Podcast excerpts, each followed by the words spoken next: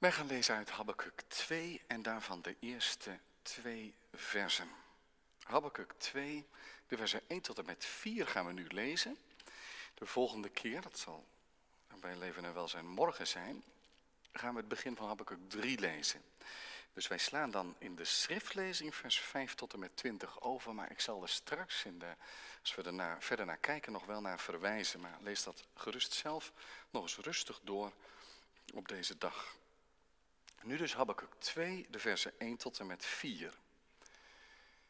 Habakkuk is aan het woord in vers 1. Ik ging op mijn wachtpost staan, nam mijn plaats in op de vestingwal en keek uit om te zien wat hij in mij spreken zou en wat ik antwoorden zou op mijn aanklacht.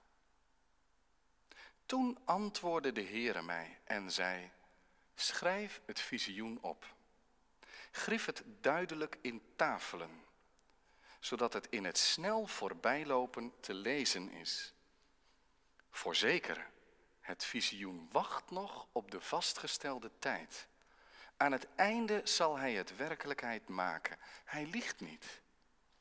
Als hij uitblijft, verwacht hem. Want hij komt zeker. Hij zal niet wegblijven. Zie, zijn ziel is hoogmoedig, niet oprecht in hem. Maar de rechtvaardige zal door zijn geloof leven. Vers 1 tot en met 4 van Habakkuk 2. Habakkuk klaagt in zijn profetieën.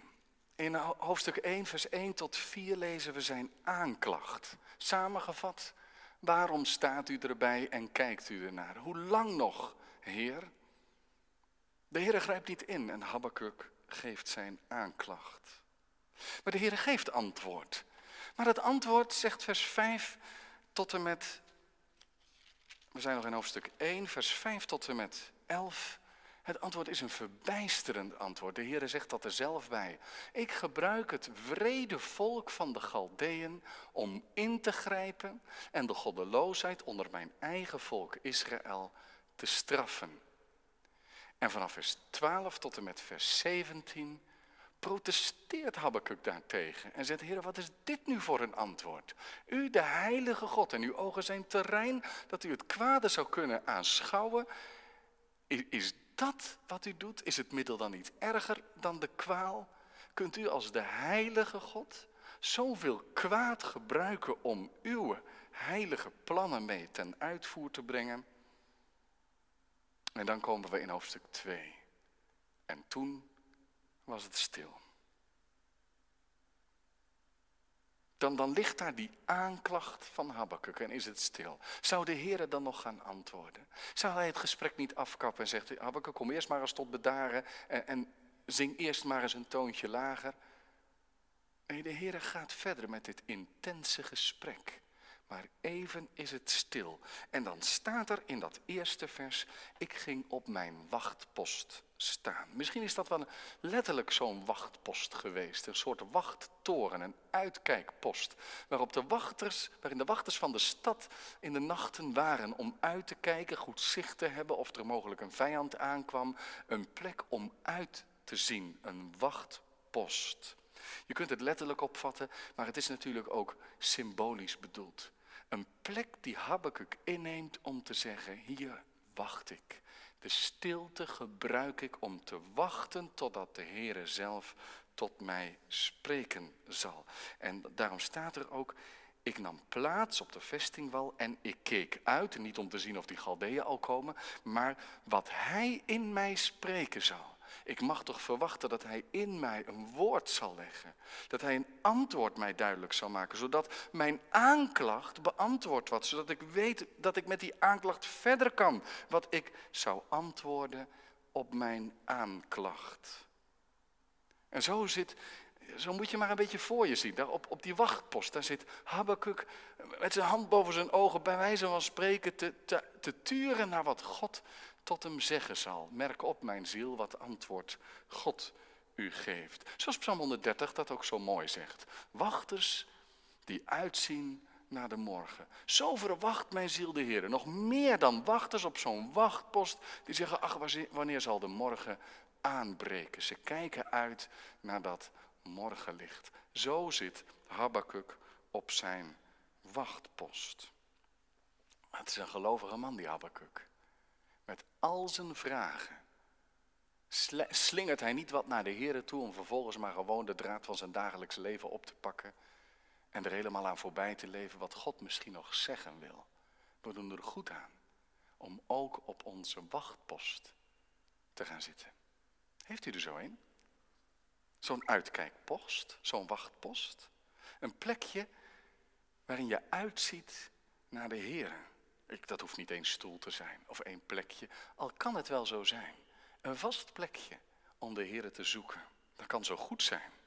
Dat je uitziet naar de Heer, juist na een klacht, juist na protest. Dat is een plekje waar bidden luisteren wordt. Waar die stilte er is, misschien nadat je hevig tot de Heer hebt gesproken, zoals Habakkuk heeft gedaan, en dat je dan tot rust komt en zegt, Heer, nu bent u aan het woord. En dan mag je het woord van de Heer nemen en, en bidden om zijn heilige geest. En opmerken wat de Heer dan antwoordt door zijn woord, hoe hij je leidt door zijn geest. En, en misschien in het dagelijks leven door zijn leiding en voorzienigheid, dat je biddend mag opmerken welke antwoorden de Heer geeft. Misschien door een preek of een overdenking. Dat de Heer nieuwe richting geeft, een antwoord geeft op je vragen, dat je hernieuwde vreugde krijgt. Want je kunt maar rond en rond draaien in je vragen en je ellende. Maar je kunt ook gaan uitzien op je wachtpost. Hebben wij een wachtpost, een uitkijkpunt? Nu dan gaat de Heer antwoord geven. Hij laat Habakkuk niet lang wachten. En hij geeft antwoord mild en zonder verwijt. In de vorm van een visioen. Want in vers 2 staat, toen antwoordde de Heere mij en zei, schrijf het visioen op. Grif het duidelijk in tafelen, zodat het in het snel voorbijlopen te lezen is. Er komt een visioen, en daarin komt een woord van de Heere tot Habakkuk. Maar het opmerkelijke is, Habakkuk moet het opschrijven op een grote stenen tafel. Een plaat moet hij zijn uh, bijtel en zijn hamer nemen en dan graveert hij een, een korte tekst op een grote plaat. Een soort billboard, zoals je dat langs de kant van de weg hebt. Zodat je het in het snel voorbijgaan kan lezen. Dus niet zo'n hele uitgebreide tekst, maar kort en bondig. Op de snelweg zie je het en je weet het in één keer. Zo moet Habakkuk een woord van de Heer op een stenen plaats schrijven, zodat de mensen in het voorbijgaan de belofte van de Heer kunnen lezen. Een belofte, zwart op wit, om je aan vast te houden. Dat zegt ondertussen natuurlijk wel iets. Het zal volharding vragen, Habakkuk. Het antwoord is niet dat bij voorbaat die Galdeeën alweer op, de, op zijn retour zijn. Of dat de oplossing voorhanden is. Het zal een tijdje duren. Het zal volharding vragen. Je ziet het niet meteen. Juist daarom, zegt de Heer, omdat je er nog op moet wachten, daarom moet je het opschrijven. Want er breekt nu een tijd aan dat je niet leeft door aanschouwen, maar door geloof. Het is de tijd van het leven bij de belofte en van het nog niet zien. Je leeft bij het geschreven woord van God, zwart op wit. Je leeft bij de belofte, zoals bijvoorbeeld in Hebreeën 11 staat. Dat al die geloofsgetuigen van Hebreeën 11 de belofte van verre hebben gezien en omarmd. Ze hebben erbij geleefd, maar ze hebben de vervulling ervan niet gezien. Dat is leven in geloof, bij dat wat op, in steen gebeiteld staat. Wat de Heer als het ware zwart op wit geeft. Dus de Heer zegt, het zal een tijdje duren, het zal volharding vragen, maar je mag mij eraan houden. Daarom moet het zwart op wit. Want op de vastgestelde tijd wacht dit visioen. Op die vastgestelde tijd, op Gods kalender, op Gods horloge op die tijd zal de Heer het in vervulling laten gaan. Voor ons betekent dat het dat we soms lang moeten wachten. En dat we volharding nodig hebben. Maar van de kant van de Heer betekent het dat het zeker is. Die vastgestelde tijd is er. Het komt eraan. En het komt echt hoor, want aan het einde, zegt vers 3, zal hij het werkelijkheid maken. Hij liegt niet. Je kunt ervan op aan. God is een betrouwbaar God. Nu, wat komt er op dat bord te staan? Ik denk dat uiteindelijk daar vers 4 op moet komen te staan. De korte tekst van vers 4 moet Habakkuk nemen en in steen bijtelen.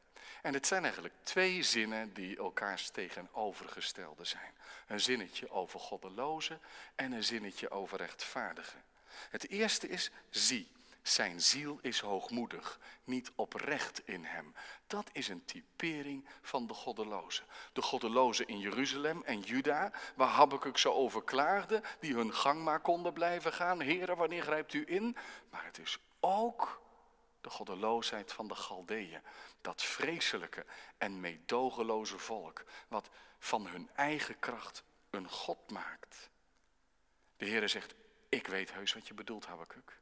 Ik ken je protest en ik snap hem ook wel. Want zijn ziel is hoogmoedig, niet oprecht in hem. Maar de rechtvaardige, dat is dat tweede zinnetje die op die stenen plaat komt te staan. De rechtvaardige zal door zijn geloof leven. Dus Habakkuk, die goddeloze, komt echt aan zijn eind. Maar de rechtvaardige, al lijkt hij nu onderdrukt en door de moeite heen te gaan, die zal uiteindelijk door God gedragen, beschermd en thuisgebracht worden. De rechtvaardige. Wie is dat? Ik kan me voorstellen dat als je dat hoort, dat je niet gauw geneigd bent om jezelf te zien als een rechtvaardige. We denken dan vaak bij een rechtvaardige, dat is iemand die geen fouten maakt, die perfect leeft of zo, die een volkomen heilige is. En ja, wie is dat? Er is niemand rechtvaardig, zegt het Nieuwe Testament. Dus wat moet je dan met zo'n tekst? Maar, maar dat is hier niet aan de orde.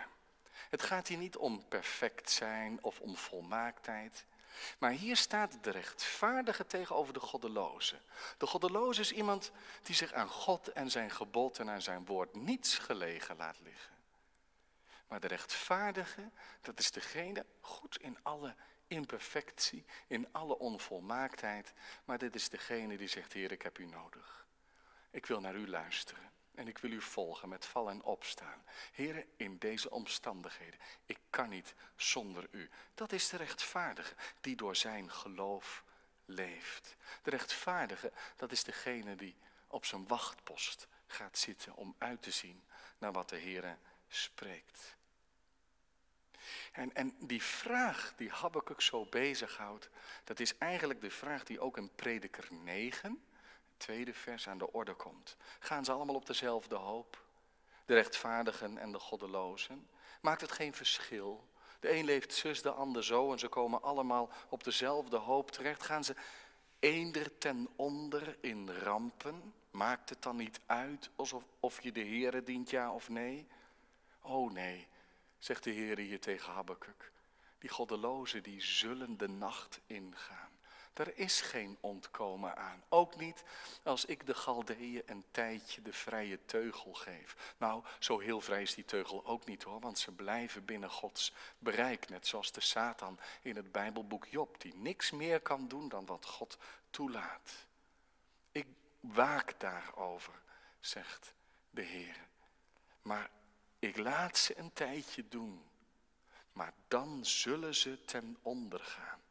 Op Gods tijd gaan de goddelozen de nacht in en de rechtvaardigen het eeuwige leven. Alle goddelozen, de geldgraaiers, de mensenhandelaars, de dictators, de onderdrukkers, de oneerlijken, ze komen om. Al zie je dat nu nog niet. Maar op die aarde waarvan vers 14 zegt, de aarde zal vol worden met de kennis van de heerlijkheid van de Heer, zoals het water de bodem van de zee bedekt. Nou, op die aarde zal er geen plek zijn voor mensen die dat niet willen. Die, die glorie en die heerlijkheid in de kennis van de Heer terzijde schuiven. Maar de rechtvaardigen zullen op die aarde leven. En dat zal gebeuren op die vastgestelde tijd. En nu? Nu leven die rechtvaardigen door het geloof. Bij die beloften die de Heere God zwart op wit stelt. Toen op dat, die stenen tafel en nu in het woord van God, de beloften. Leven door het geloof. Door het geloof, daar zit het woordje amen in. Zoals wij het woord amen zeggen. Het zal vast en zeker zijn. Zo zeker als God God is. Geloven is amen zeggen op Gods belofte. Ook al zie je het niet in de omstandigheden. En daar kan Habakkuk over meepraten. Maar je grijpt je vast, je houdt je vast aan zijn belofte. Je mag vertrouwen op wat hij zegt. Wij weten niet wat deze crisis met zich mee gaat brengen. Maar als God het geeft en daar mogen we op hopen en vertrouwen, dan zal hij er altijd voor zorgen. Dat zijn gelovigen zich vast mogen houden aan zijn woord. Al ontvalt ons zoveel, ook de normale zekerheden van het leven. Het woord van de Heer is vast. En Jezus Christus is gisteren en heden dezelfde en tot in eeuwigheid. En, en dat is dus dat die rechtvaardige zal leven door zijn geloof. Het geloof zal hem er doorheen dragen. Het geloof zal ervoor zorgen dat de Heer tegen hem zegt: Je mag ingaan in, in die nieuwe wereld, die nieuwe schepping, als de aarde vol zal zijn van de heerlijkheid van de Heer. Ook als dat door de diepte heen moet. Oh ja, vergeet nooit wat de Heer Jezus gezegd heeft. Ik ben de opstanding en het leven. Wie in mij gelooft, zal leven, al was hij ook gestorven. Dan heb je reeds eeuwig leven, wat geen virus en geen mens en geen omstandigheid van je af kan nemen. Je zult bij de Heere mogen zijn. Kijk, dat is niet zien en toch geloven. Daar ging het Abraham om, de vader van alle gelovigen. Toen hij onder zijn tentzeil vandaan geroepen werd om de sterren te gaan tellen die hij niet tellen kon, toen geloofde hij in het woord van de Heer. En staat er in Genesis 15, vers 6, en Abraham geloofde en de Heere rekende het hem tot gerechtigheid. Zo werd Abraham een rechtvaardige, omdat hij zijn vertrouwen stelde tegen alle kenmerken en omstandigheden in, omdat hij zijn vertrouwen stelde op de belofte van God.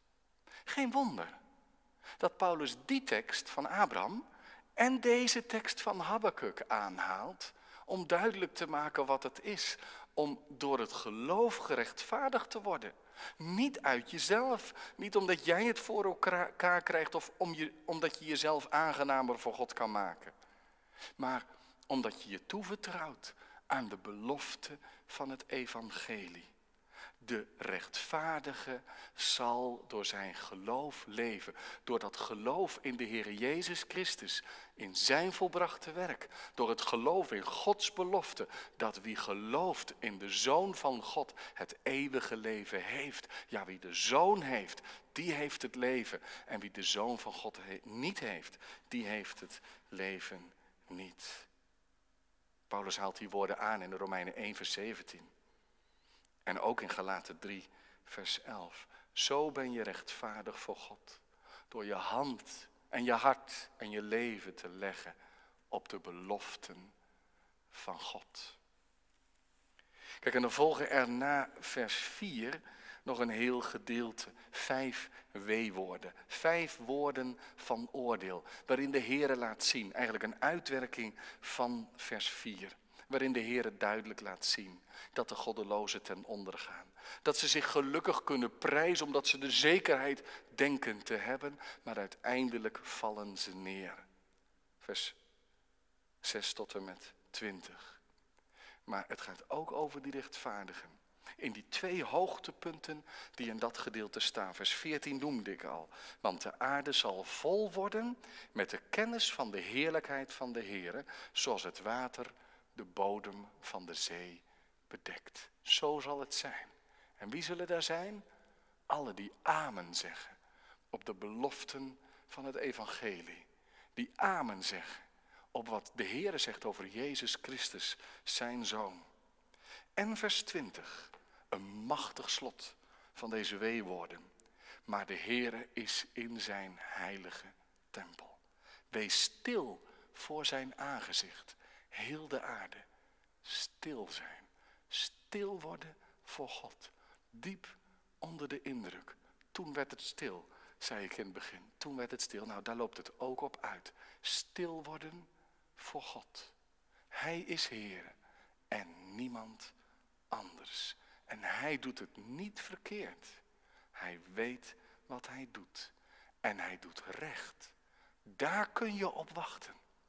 Wees stil en hoop op het heil van de Heer. Zo mogen we onze plek op onze wachtpost innemen en uitzien naar het heil van de Heer. Ja, uitzien naar zijn komst. Vers 3 zegt, het tweede deel van vers 3, als hij uitblijft, verwacht hem. Sommigen zeggen, dan moet je gewoon het lezen. Als het, dat ingrijpen van de Heer uitblijft, verwacht dat dan.